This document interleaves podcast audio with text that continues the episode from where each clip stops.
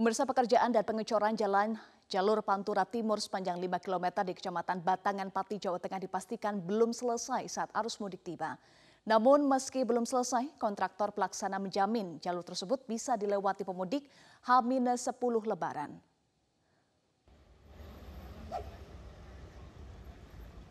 Beginilah kondisi jalur Pantura Pati, Jawa Tengah, tepatnya di Kecamatan Batangan.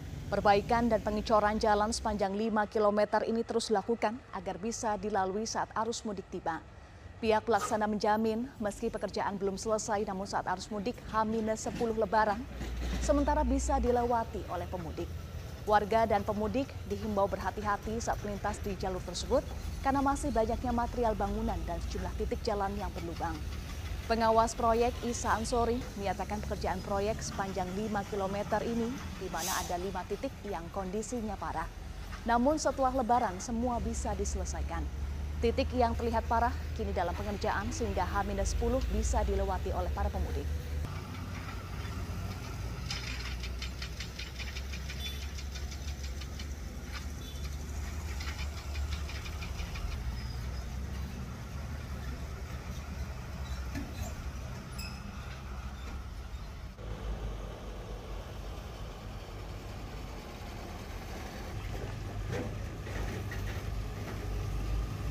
Mbak.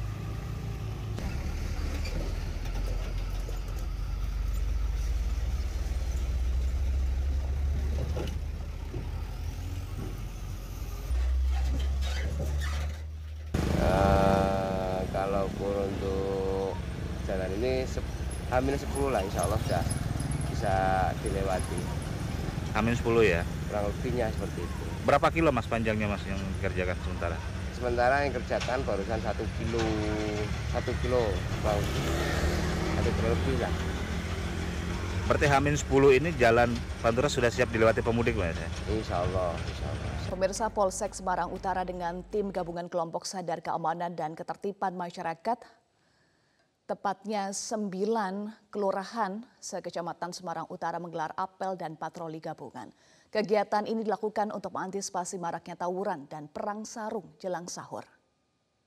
Polsek Semarang Utara, Semarang Kota mengin- mengintensifkan patroli hingga menggelar apel gabungan sembilan kelurahan di Semarang Utara untuk mengantisipasi perang sarung, balap liar hingga kejahatan lain.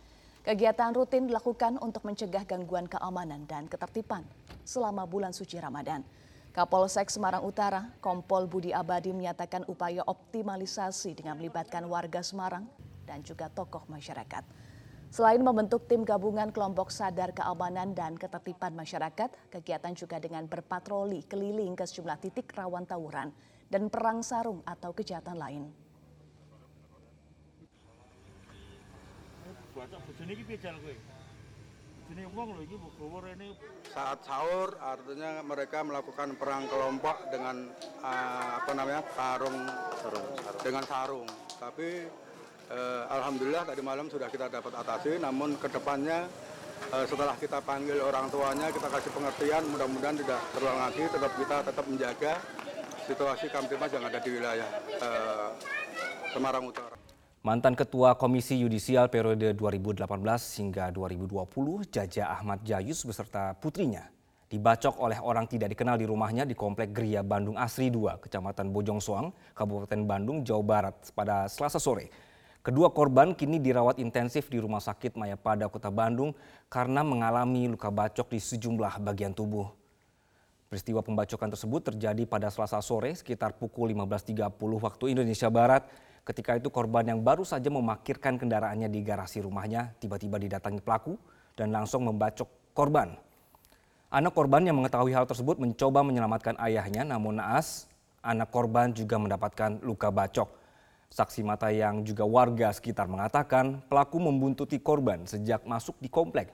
Pelaku kemudian berdiam diri di sekitar rumah korban menunggu korban selesai memarkirkan mobilnya sebelum melakukan aksinya. Korban Jaja Ahmad Jayus mengalami luka bacok pada bagian kepala, tangan, leher, dan pundak.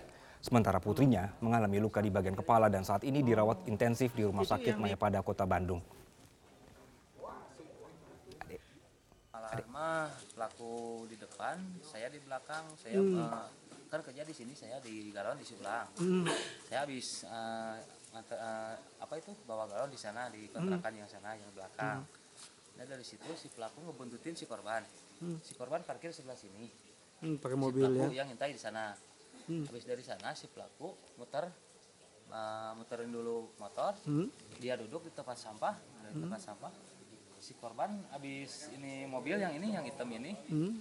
habis parkir dia masuk saya sempat nganterin dulu ke sana udah dua tiga kali nganter pas kedua kali masih ada pas pulang yang kedua kali nganter masih ada yang ketiga udah udah pada ramai di sini Lalu bagaimana hasil penyelidikan polisi terkait penyerangan terhadap mantan Ketua Komisi Yudisial periode tahun 2018 sampai 2020, Jaja Ahmad Jayus beserta putrinya. Sudah terhubung dengan Kombes Pol Kusworo Wibowo, Kapolresta Bandung. Selamat pagi Pak Kapolres. Pagi Mas Anggi, Assalamualaikum. Waalaikumsalam Pak. Pak, jadi sampai saat ini penyelidikan sudah sampai mana Pak?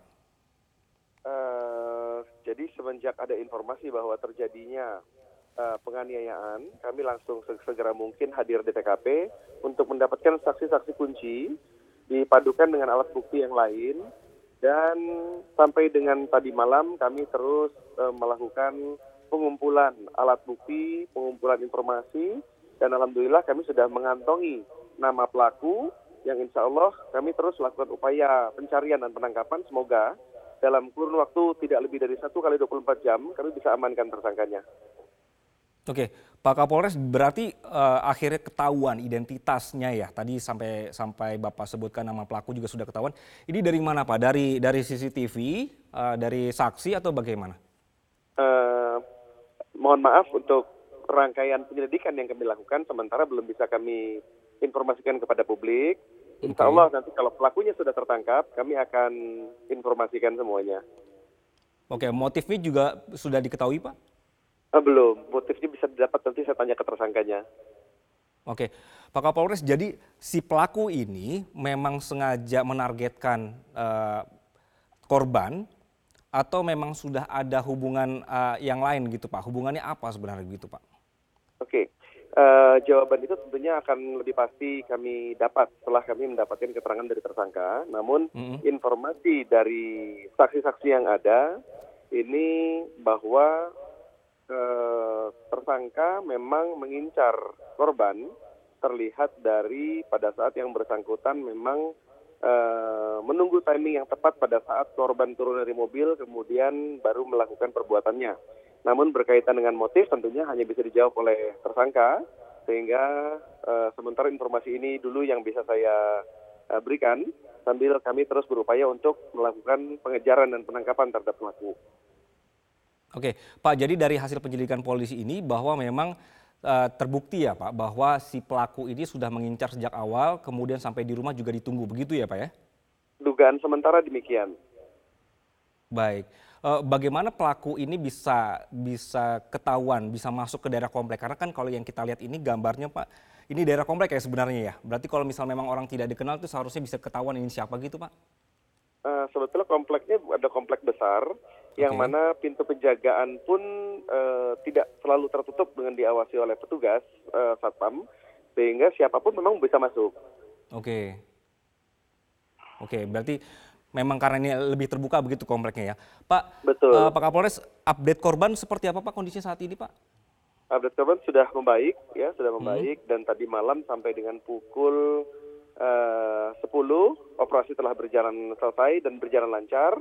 Di situ kami bertemu dengan keluarga korban dan dokter menyampaikan alhamdulillah eh, operasi berjalan lancar dan eh, tinggal butuh pemulihan saja dari korban. Kita doakan Baik. semoga korban segera pulih dan segera dapat beraktivitas kembali. Oke, Pak Kapolres dari hasil penyelidikan juga dan pengembangannya, eh, pelaku berapa orang jadinya Pak? Satu, dugaan Satu. sementara satu, iya Yang dikejar ini juga eh, dari prosesnya juga satu, hanya satu Pak ya? satu, betul. Baik. Kapolresta Bandung Kombes Pol Kusworo Wibowo, terima kasih Pak atas waktu Anda di Metro Pagi Prime Time.